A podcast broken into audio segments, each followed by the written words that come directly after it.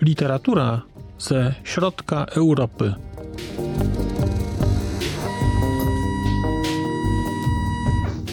Podcast około książkowy.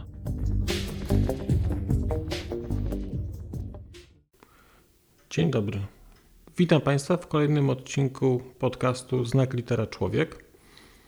Przed mikrofonem Marcin Piotrowski i mam dzisiaj dla Państwa po raz kolejny dwie książki.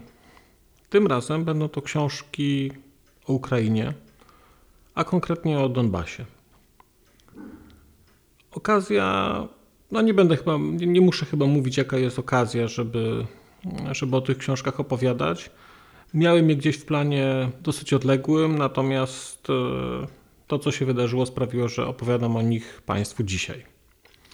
E, pierwsza książka, będą to dwie książki. Pierwsza to będzie Internat Serhija Żadana, a druga to, będą, to jest e, książka Tomasza Forro, Apartament w hotelu Wojna, reportaż z Donbasu.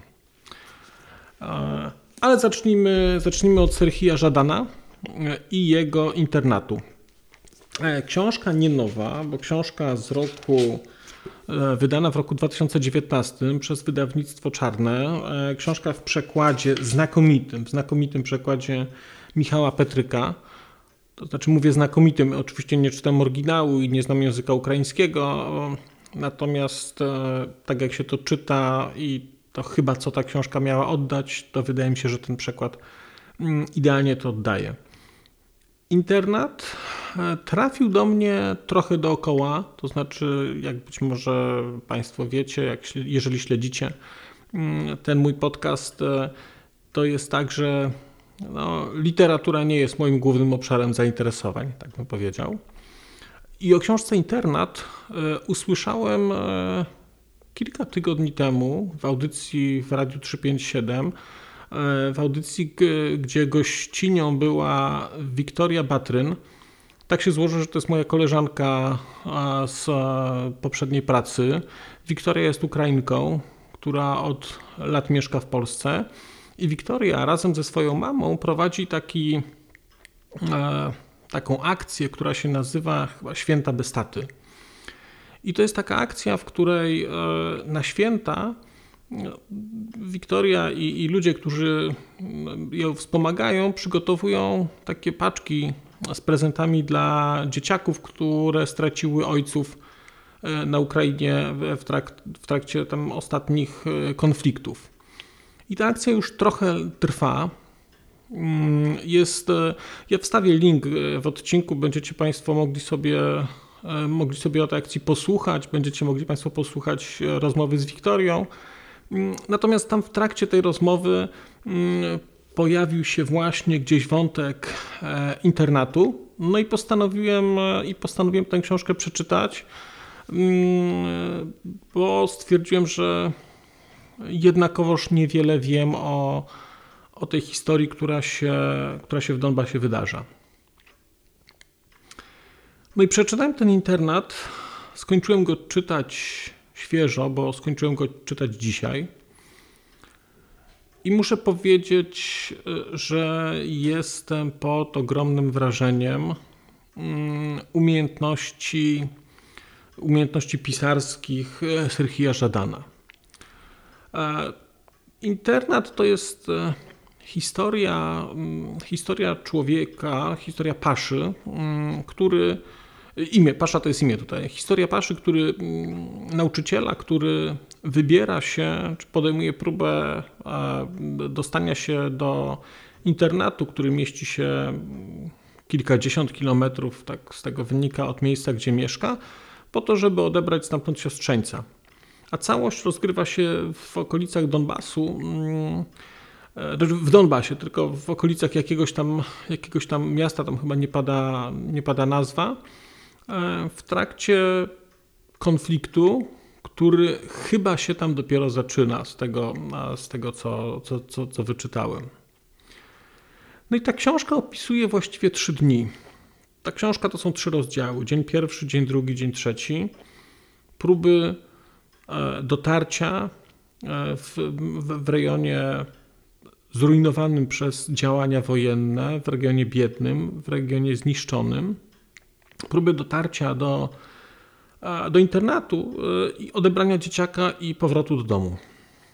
I rzecz wydaje się wydaje się prosta. No, przejechanie kilkudziesięciu kilometrów, odebranie dziecka i powrót nic prostszego. Natomiast e, nie jest to, jak można się domyśleć, tak proste. I, e, i internat pokazuje specyfikę życia w, w bardzo plastyczny i taki w bardzo taki poruszający sposób. Pokazuje specyfikę życia w miejscu, które jest, które istnieje trochę poza czasem, które istnieje trochę poza przestrzenią, które jest takim rodzajem piekła. Miejsce, które e, trochę takie bezczasowości, bezpogodowości, takiego jakiegoś limbo, czegoś, co jest e, w ogóle niefunkcjonujące. Nie, nie I ta książka pokazuje, jak w takim miejscu bez reguł, bez czasu, jak próbować żyć, jak się odnaleźć, e, jak się odnaleźć w świecie skonfliktowanym, jeżeli nie chciało się wybrać stron. Nie, nie będzie chyba spoilerem, jeżeli powiem, że, że główny bohater tej książki, e, Pasza, stara się być poza polityką, stara się być e, poza jedną albo drugą stroną. Zresztą trudno mówić o pięknie, ale specyfika tej książki e, i umiejętności, wydaje mi się, pisarskie też e, Żadana przejawiają się w tym, że tutaj nie ma jasnego wskazania stron. Tutaj trzeba się domyślać, kto jest za kim. Mówi się tylko nasi, wasi tego to trzeba z kontekstu wyłapywać, kto o kim mówi, zwłaszcza, że też e, mamy tutaj takie fragmenty mm, jakiegoś dialogu wewnętrznego e, tego, e, tego nauczyciela. Mm, czasami też pojawia się tutaj strach, czasami te nasi, wasi są, te strony są zamieniane, bo to jest świat, w którym nic nie jest oczywiste. To jest świat, w którym wszystko jest jakieś takie takie dziwne i wszystko jest na pograniczu na pograniczu realności, ale na pograniczu takiej re, realności bardzo negatywnej. To jest na pograniczu takiego niebytu. Kiedy czytałem tę książkę, bardzo szybko uzmysłowiłem sobie, że ja ten świat skądś znam. I nie mogłem przez długi czas, nie mogłem złapać tego, skąd ja znam ten świat. Ja czytałem wcześniej, bo, bo akurat u mnie kolejność była taka, że najpierw przeczytałem Tomasza Forro, a potem czytałem Serhija Żadana. Ale to nie był, to nie był Forro, który, który spowodował, że ten świat mm, tego Donbasu, świat tego takiego wiecznego konfliktu, mm, świat pustkowi, w których jeżeli się kogoś spotyka, to człowiek się nie cieszy, tylko jeżeli kogoś widzi, to pierwsze co robi, to próbuje się schować, żeby, mm, żeby przeżyć. Bo domyślnym stanem jest stan zagrożenia, który tutaj, który tutaj się pojawia. I nie mogłem złapać tego linku, który mi jakoś tę książkę łączył z moimi doświadczeniami wcześniejszymi. Nie dlatego, żebym tam był, tylko, tylko czułem, że jakbym znał ten świat. I w którymś momencie do mnie dotarło, że ja ten świat znam z gry komputerowej. Że świat, który jest pokazany w internacie, ta próba przejścia tych kilkudziesięciu, prze, prze, prze, przebycia tych kilkudziesięciu kilometrów w takim świecie, gdzie człowiek człowiekowi wilkiem i że tak naprawdę, jeżeli kogoś widzimy, e, to, to budzi się w nas lęk bo w najlepszym razie e, nic nam się nie stanie, ale w najgorszym, no raczej nastawiamy się na, na, na najgorsze tutaj. I że ja znam ten świat, bo to jest świat, który spotkałem, czy w którym dosyć długo przebywałem grając w grę Fallout 4. czyli w grę, która dzieje się w takim postapokaliptycznym świecie po wojnie, po wojnie atomowej już dosyć dawno. Świecie, który akurat Fallout się rozgrywa w Stanach, na terytoriach, można powiedzieć, takich bardzo suchych. To jest świat taki, taki wyschnięty. Natomiast to jest tylko, to jest tylko sztafasz historia, która jest, jest bardzo podobna mm, i świat jest bardzo podobny. Świat, w którym jeżeli kogoś widzimy, to pierwsze co robimy, to staramy się schować. To nie jest świat. Uświadomiłem sobie, że to, to jest zupełnie inny świat niż świat, w który, który ja znam i w którym ja funkcjonuję. I kiedy jestem na, na, na wędrówce Beskidzie Niskim i przez cały dzień nikogo nie spotykam i kogoś wreszcie spotykam, na kogoś trafiam, to nigdy nie mam obawy. A to jest świat, w którym jeżeli na kogoś się trafia, to się ma obawę. To, to człowiek zaczyna się obawiać, bo nic dobrego go tutaj mm, e, nie spotka. I ta falloutowość tego świata, e, takie wyobcowanie, takie wyjście poza cywilizację, rozumianą jako pewną, tą, pewną wspólnotę kulturową, jest tutaj szalenie, szalenie dojmujące. E, ta książka jest, jak dla mnie, wybitna, jeżeli chodzi o, mm, o sposób, w jaki jest napisana, o język, o sposoby przedstawiania tego świata, w którym, w którym funkcjonujemy. Wszystko, co tutaj widzimy, jest ta, ta, ta, akcja, która tutaj się rozgrywa, rozgrywa się mm, gdzieś w, w miesiącach takich zimowych, e, mm, czy, czy bardzo wczesnowiosennych, albo ba, bardzo późno-zimowych takich. I ten świat, który tu widzimy, to jest świat brudu, to jest świat błota, to jest świat jakiejś spalonej trawy, to jest świat mm, marznącego deszczu, który pada, wiatru, e, świat dymu, brudu, mm, popękanych, e, porozbijanych szyb, e, ulic zasypanych odłamkami. Taki świat, który mam wrażenie, niestety w tej chwili oglądamy na tych obrazkach, e, które, które widzimy z, z Ukrainy. Ale ten świat my widzimy teraz w Ukrainie, na Ukrainie, ale on w Donbasie funkcjonuje już od dosyć dawna. I niesamowicie, niesamowicie dobrze Żadanowi, wydaje mi się, udało się ten świat oddać. E, jednocześnie wychodząc poza, poza banał po prostu opisu tej rzeczywistości, bo to wszystko nie dość, że jest plastyczne, to to jest e, na pograniczu takiego, takiego poetyckiego opisu. E, I mimo, że no, ja byłem zaskoczony, że czytałem te, w sumie nazwijmy to opisy przyrody opisy świata tutaj, które nie były przyjemne, ale czytałem je, one są wciągające, one są pochłaniające nas, one są takie absorbujące. I to jest ogromna zaleta, e, zaleta tej prozy. Znaczy, to, to absorbuje i przez to wydaje mi się, jesteśmy w stanie też mocniej wejść e, w jakąś taką, zanurzyć się w tym świecie i wejść trochę w psychikę, w psychikę bohatera.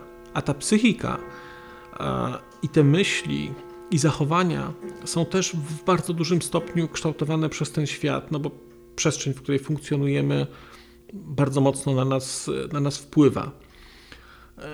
I ten miks tutaj i takich dosyć trudnych, dosyć trudnych e, wyborów moralnych, które gdzieś ten główny bohater musi dokonywać. I tego upodlenia takiego świata, mm, i takiej obojętności, e, i czasami podłości, z którą się, z którą się spotyka, i niewdzięczności, powoduje, że widzimy świat, którego, którego normalnie, normalnie nie spotykamy, bo to jest, e, przynajmniej dla mnie, ta historia była zupełnie inną historią niż historie, które znałem e, z opowieści, nazwijmy to wojennych czy okołowojennych,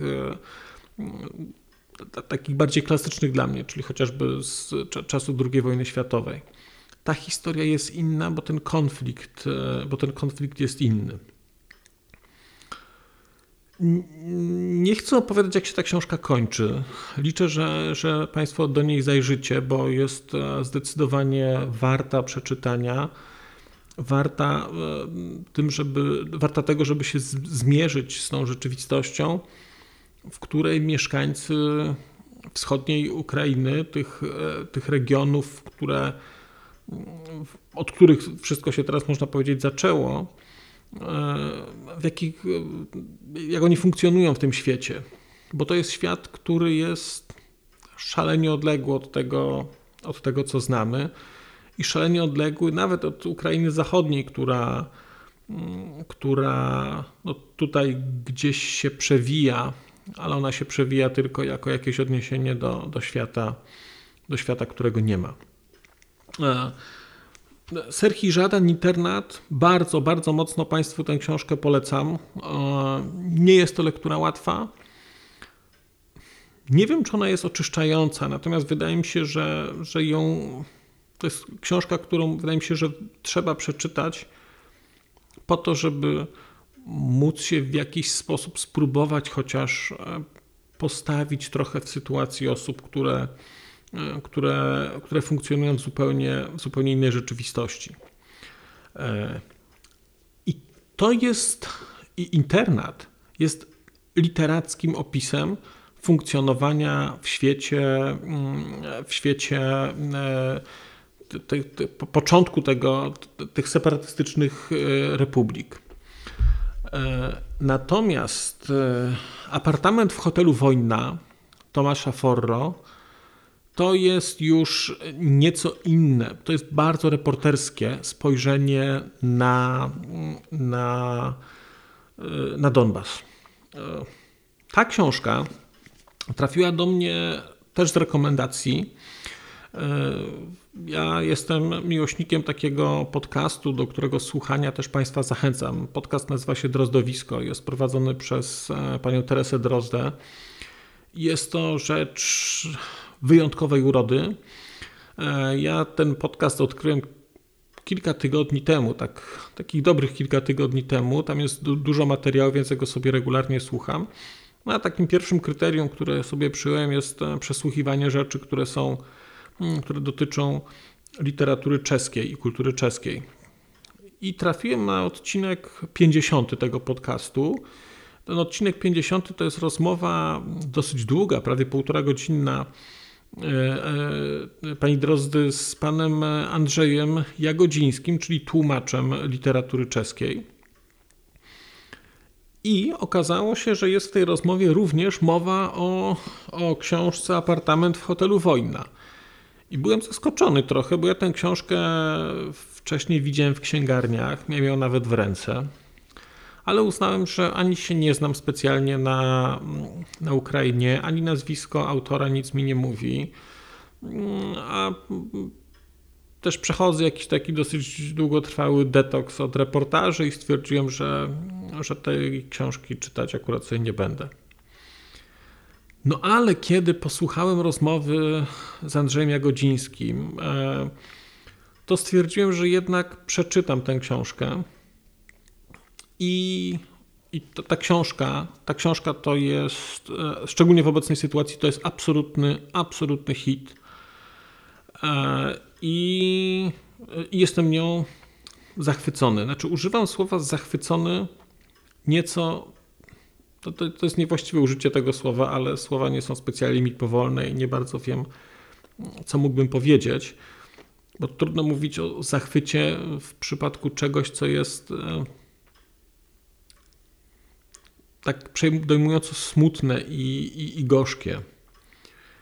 Ale ta książka zrobiła na mnie, zrobiła na mnie ogromne wrażenie.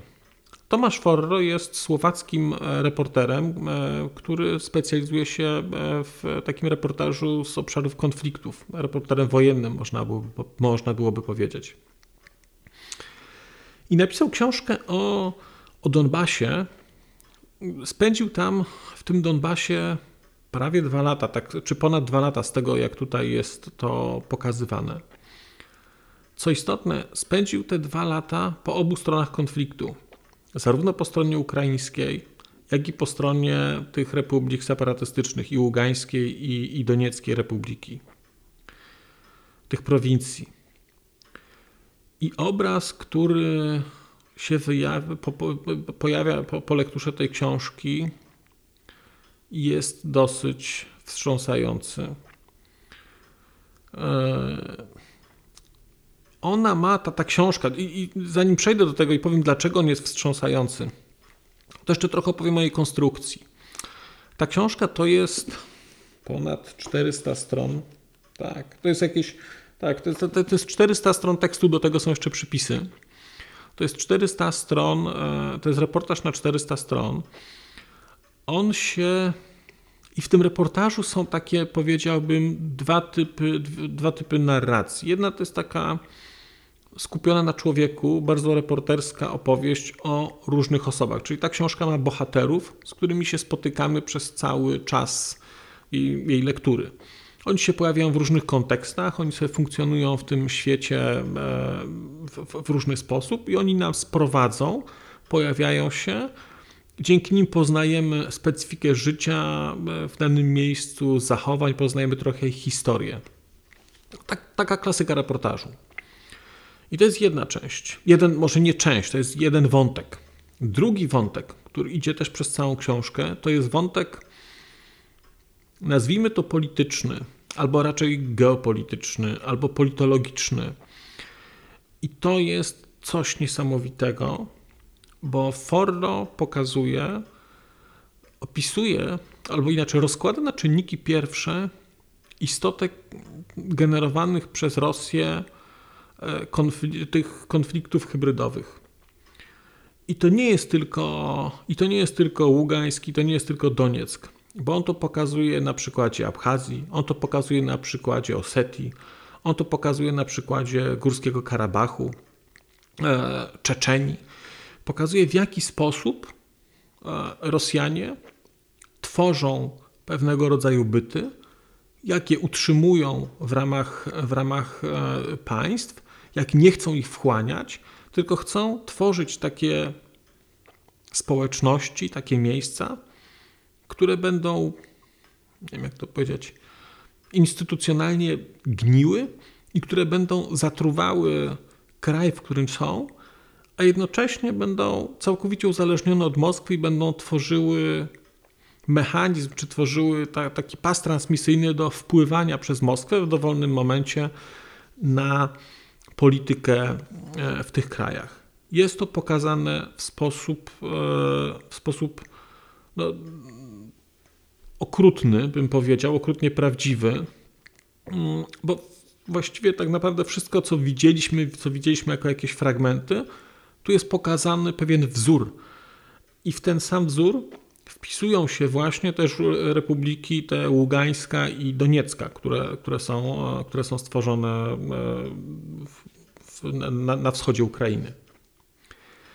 I te dwa wątki tutaj się przeplatają. To nie jest tak, że książka ma część pierwszą i książka ma część drugą. Jest w jednej o tym, w drugiej o tym. Nie. Te rzeczy się przeplatają tak, że mniej więcej w połowie zaczyna się dokładnie rozumieć, jak działa jak działa ten świat, jak działa polityka Moskwy wobec, e, wobec takich krajów. I jest w tej książce taki moment, bo ona się, bo Forum ją skończył pisać w 2019 roku. Jest w tej książce taki moment, kiedy się te rzeczy, które tutaj są, rozjeżdżają mocno z tym, co widzimy obecnie. E, Zastanawiam się, czy o nim Państwu powiedzieć, e, czy nie. Mm, I przyznam, że nie wiem, czy mówić, bo, bo, bo tak, z jednej strony wszystkie takie opisy Forro, takie jego próby zrozumienia tego świata są szalenie trafne i, i wydaje mi się, że on to oddaje idealnie, trafia w punkt. Myli się w jednym miejscu, e, no powiem w sumie, bo, bo nie wiem, czy wszyscy Państwo będziecie chcieli to czytać, a nawet jak będziecie chcieli czytać, to, to i tak e, niczego to wydaje mi się nie zmieni. Mm, Forro stawia taką tezę, że i pokazuje zresztą to, pokazuje to, bo on to, tego dowodzi wręcz. Tutaj są, tutaj są rozmowy z, z ludźmi, którzy za to byli odpowiedzialni. Forro pokazuje, że Moskwie do któregoś momentu, właściwie do końca tej książki, nie zależało, nie zależało na tym, żeby wchłonąć e, te republiki, te republiki przygraniczne. I co więcej, Moskwa ogromny wysiłek wkładała w to, żeby ten pokój, e, nazwijmy to ten, ten, ten układ miński, utrzymywać, e, utrzymywać przy życiu.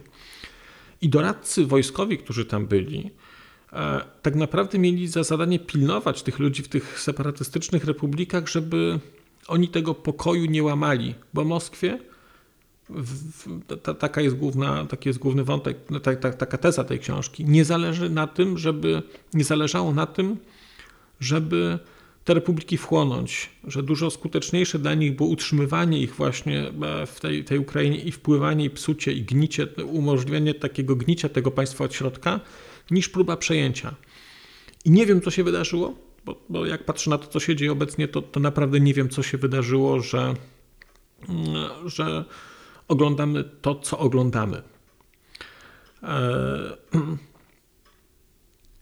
I te rzeczy, które tutaj Forro opisuje, są okrutne. I teraz może przejdę trochę do, do takich e, głównych wniosków tej książki. Te, te, te, wnioski z tej książki, czy takie, główne, takie refleksje można podzielić na, na, na dwie części. Są refleksje pozytywne i są refleksje negatywne. Refleksja, refleksje pozytywne to są z, z, związane z tym, że widać z perspektywy czasu, że pewne uczucia negatywne, które się tam pojawiały, słabną. I widać, e, bo, bo, że radykalizacja, ta polaryzacja się zmniejsza, która, była, która jest między Ukrainą a, a tymi separatystycznymi, separatystycznymi republikami. Natomiast i, i, i skala napięcia, skala emocji, ona się obniża. Bo ta, która była na początku, jeżeli Państwo będziecie czytać tę książkę, do czego Was bardzo, bardzo zachęcam, to jest rewelacyjna rzecz i pozwala zrozumieć, co doprowadziło do tej, do tej sytuacji, którą oglądamy.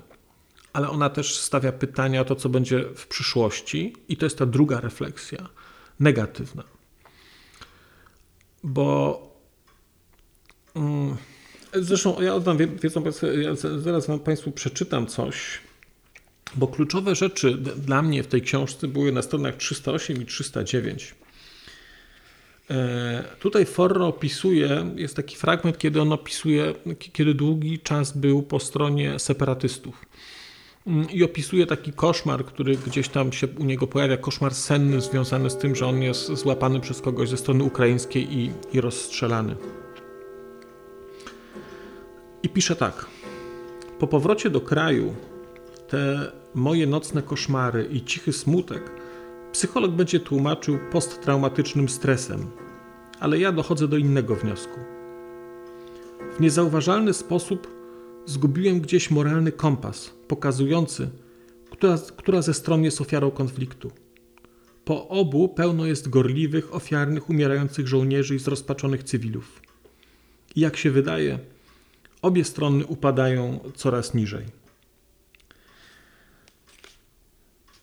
I to jest, wydaje mi się, chyba najsmutniejszy element tej książki, znaczy taki wniosek z tej książki. Jeżeli będziecie Państwo tę książkę czytać, do czego Was zachęcam, to zobaczycie, że po jej lekturze skończy się czarno-biały świat, który znamy z, z mediów. Skończy, skończy się oczywistość wyborów i oczywistość klasyfikowania, klasyfikowania ludzi. I to jest, powiedziałbym, że to jest życie, a że to są odcienie szarości. No ale czasami nie tego szukamy i czasami ta prawda, którą, którą możemy zobaczyć, a ta książka jest o prawdzie, pokazuje pewną prawdę, jest straszna w swojej takiej brutalnej szarości i brutalnej, i takiego, takiej okrutnym braku granic. To nie jest tak, że coś jest dobre albo złe. Kiedy z kolei czytałem, ten, e, czytałem Tomasza Forro, ja miałem wrażenie, że jestem w innej grze komputerowej, że ja jestem w Wiedźminie, że jestem w ogóle w świecie, nie tylko w grze, ale w świecie Sapkowskiego, gdzie wszystko jest ze sobą splecione i że nie ma łatwych wyborów. Ja pamiętam, kiedy grałem w Wiedźmina dwójkę e, i tam jest taka scena, to chyba w dwójce było, tam jest taki, taki wątek, e, że elfy biorą zakładników w, jakimś, w jakiejś wiosce. I pamiętam, że oglądały ze mną moje dzieciaki tę grę. Miały wtedy tam, nie wiem, 10 lat chyba. No i oni mi doradzali, co mam zrobić. No i tam był temat taki, czy, czy pomóc tym ludziom z tymi elfami, czy nie. I no oni mówią, no musisz pomóc, no bo, no bo elfy są złe, bo wzięły zakładników. Ja im wytłumaczyłem, jaka jest idea zakładników. Ja mówię, no tak, tylko że te elfy wzięły zakładników mm, dlatego, że tak naprawdę ludzie ich eksterminują i, i, i, i wygonili ich z lasu, z miejsc, gdzie mieszkali. Oni mówią, a no to jednak musisz pomóc elfom. E, ja mówię, tak, ale elfy zaangażowały się w, w okrutny konflikt, znaczy wzięły zakładników. Nie można tego robić. No, wzięły to, to nie, nie, te dzieci, które są w tej szkole czy w tej gospodzie są, to nie one to robiły. To nie robiły nawet ich ojcowie, tylko to był ktoś inny. Oni mówią, okej, okay, no to jednak musisz wziąć stronę ludzi. Ja mówię, no ale nie chcę brać strony ludzi, bo tym ludziom te elfy nic nie zrobiły też. Oni są ofiarami. I pamiętam, jak, jak, jak, jak e, mój syn, który miał wtedy właśnie chyba 10 albo 11 lat, powiedział: To tutaj nie ma dobrych ani złych, oni wszyscy są źli tutaj. Ja mówię: No tak. I to jest refleksja, którą miałem czytając tę książkę, czytając książkę Tomasza Forro. Jeżeli będziecie Państwo ją czytać, a mówię, zachęcam, zachęcam bardzo, bo to jest poruszająca i bardzo prawdziwa lektura to zobaczycie, że są separatyści, ale oni też mają swoje racje. Tam też jest upadłe państwo, które nie interesuje się swoimi obywatelami, które traktuje część ludzi jako obywateli drugiej kategorii. To jest historia, którą trochę też do jakiegoś stopnia wydaje mi się znamy mm, od nas, że są lepsi, są gorsi, są ci, którym się udało, są ci, którzy, którym się nie udało. Poziom korupcji, który jest tutaj pokazany, jest tak okrutny, że wydaje mi się, że trudno to sobie wyobrazić. E, bardzo Państwa zachęcam do przeczytania tego.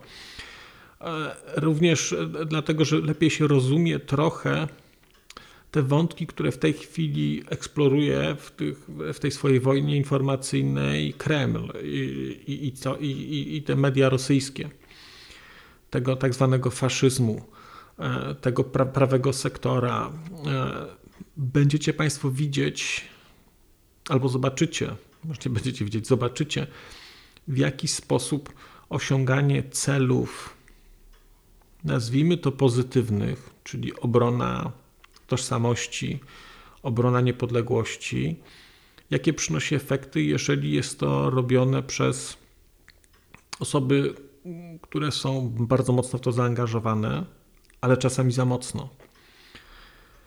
I gdzie jest taki punkt przegięcia, kiedy się z patrioty staje fanatykiem, a jednocześnie człowiek rozumie, dlaczego ci ludzie tacy, tacy, byli okrutna, okrutna historia, e, a jednocześnie piękna w swojej prawdzie.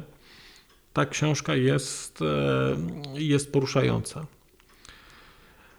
I mam wrażenie, że najtrudniejsze, chyba najsmutniejsze dla mnie w tej książce jest to, że kiedy patrzę na to, co obecnie dzieje się na Ukrainie e, i po lekturze, i po lekturze Tomasza Forro, ja widzę Ukrainę jako kraj szalenie podzielony, jako kraj pęknięty. Na Ukrainie zostało przez doradców, również amerykańskich, odstawione dokładnie to, co zostało odstawione w Stanach przy wyborach z, Trumpa, z Trumpem, w Polsce, e, w Brexicie angielskim. E, tam zostało brutalnie społeczeństwo politycznie podzielone przez kogoś, przez doradców. I wydaje mi się, że chyba najtrudniejsze przed Ukrainą to jest to dopiero co będzie, bo tę wojnę Rosja przegrała, Ukraina tę wojnę wygra. To jest niestety trzeba będzie teraz poczekać ileś czasu, żeby to wszystko się cofnęło. I Ukraińcy będą odbudowywać swój kraj. I pytanie, które dla mnie jest w tej chwili najbardziej chyba nurtujące mnie, jest takie, na ile będą potrafili sobie wybaczyć. Bo bo, te podziały tam są bardzo głębokie. E, bardzo Państwa zachęcam, mówię kolejny raz, zachęcam do lektury tej książki po to, żeby zrozumieć to, co się dzieje za wschodnią granicą, żeby docenić to, gdzie jesteśmy my, e, żeby docenić to, że jednak myśmy nie byli pod, pod, pod e, tym rosyjskim butem aż tak długo, żeby, żeby zniszczyć, tak, przeorać naszą mentalność tak do końca. Ukraińcy byli. I wydaje mi się, że najtrudniejsze chyba jest przed nimi, bo oni będą musieli sobie chyba wybaczyć. Nie wiem, czy będą w stanie sobie wybaczyć. Będą musieli zapomnieć. Nie wiem, czy będą w stanie zapomnieć. E, ja nie wiem, na ile oni będą w stanie pójść drogą Irlandczyków e, i gdzieś się pojednać. Na ile będą w stanie pójść drogą Hiszpanów którzy mieli wojnę domową i którzy coś z tym zrobili, ale ta trauma wychodzi nawet teraz po, po 80 latach cały czas. Te wątki są i cały czas wychodzą i dokładnie wiadomo, kto był e, po stronie, e, po stronie Franka, a kto był po stronie Republiki. I nie wiem, na ile się to uda Ukrainie. E, bardzo, bardzo trzymam kciuki za to, żeby się im udało i żeby się udało im pojednać ale ta refleksja cała moja jest oparta, jest oparta o tę książkę. E, przeczytajcie ją Państwo, bo ona to jest książka, która pozwala lepiej zrozumieć świat. Przeczytajcie ją z szacunku do Tomasza Forro, który ryzykował życiem. To są pokazane sceny, gdzie on ryzykuje, ryzykuje życiem i naprawdę ryzykuje życiem, e, żeby, żeby ją napisać. E, ona jest wspaniale przetłumaczona też przez, przez Andrzeja Godzińskiego i to się czyta, to, to się czyta świetnie. Jednocześnie ten język jest bardzo plastyczny i ci ludzie mówią w różny sposób tutaj. To, no, to, to, to jest dla mnie to jest reportażowe arcydzieło i to jest taka książka, którą w kategorii takich książek, które dla mnie gdzieś tłumaczą świat, w którym żyjemy obecnie, ja miałem kilka takich książek. Pierwsza książka to, to, były, to była Modlitwa o deszcz e, e, Wojciecha Jagielskiego. Potem była książka Wyniosłe wieże. Zawsze zapominam autora. I potem był jeszcze raz Jagielski e, z chyba wszystkimi wojnami Lary, które pokazywały w jaki sposób następuje transmisja tego radykalizmu islamskiego do, do krajów e, zachodnich i, i, i jak w takich bogatych e, krajach ten, i dlaczego się ten, ten rozwija, ten, ten, te, te ruchy się rozwijają.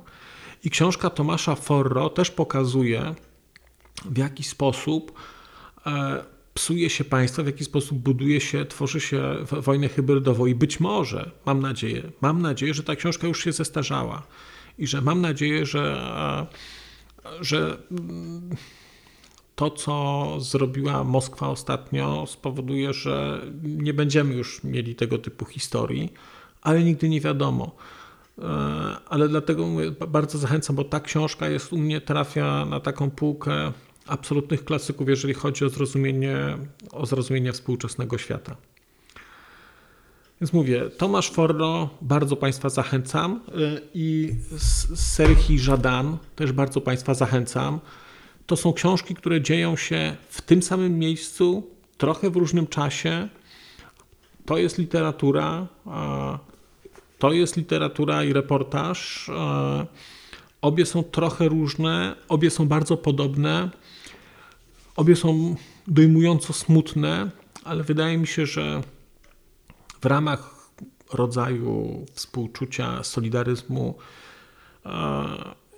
i, w ramach jakiejś takiej głębszej empatii powinniśmy je czytać i powinniśmy o nich myśleć po to, żeby, mm, żeby lepiej rozumieć tych ludzi, żeby mieć taką większą wrażliwość na to, co ich spotkało, dlaczego ich spotkało. I to jest z mojej strony na dzisiaj. Bardzo Państwu dziękuję, za, jeżeli wytrzymaliście do końca, za, za te słuchanie o w sumie niefajnych rzeczach dzisiaj ale mam nadzieję, że, że dobro zwycięży, e, że, że za niedługo zobaczymy wolną Ukrainę i że za niedługo zobaczymy trochę lepszy i trochę wolniejszy, znaczy nie, nie szybki, tylko wolniejszy, z większą ilością wolności e, świat. Dziękuję bardzo. Do zobaczenia, do usłyszenia za czas jakiś. A już zupełnie na koniec powiem, że skoro wysłuchaliście Państwo tego odcinka, to w jego opisie znajdziecie link do serwisu YouTube. W wersji YouTube'owej e, jest miejsce na skomentowanie go. To jest takie miejsce, gdzie można komentować ten odcinek, rozmawiać, zadawać pytania, wymieniać się spostrzeżeniami, do czego Państwa bardzo zachęcam, gdyż udało się już na tym YouTubie zgromadzić trochę bardzo ciekawych osób, bardzo ciekawych komentarzy i trochę stworzyć taką społeczność ludzi rozmawiających o książkach. Też na koniec, zupełnie na koniec, poproszę Państwa o wystawienie oceny mi w ramach e, tych platform podcastowych, na których Państwo tego odcinka wysłuchaliście. I nieważne jaka ta ocena będzie, istotne dla mnie po prostu, że będzie. Tymczasem się żegnam już naprawdę i do usłyszenia za czas jakiś.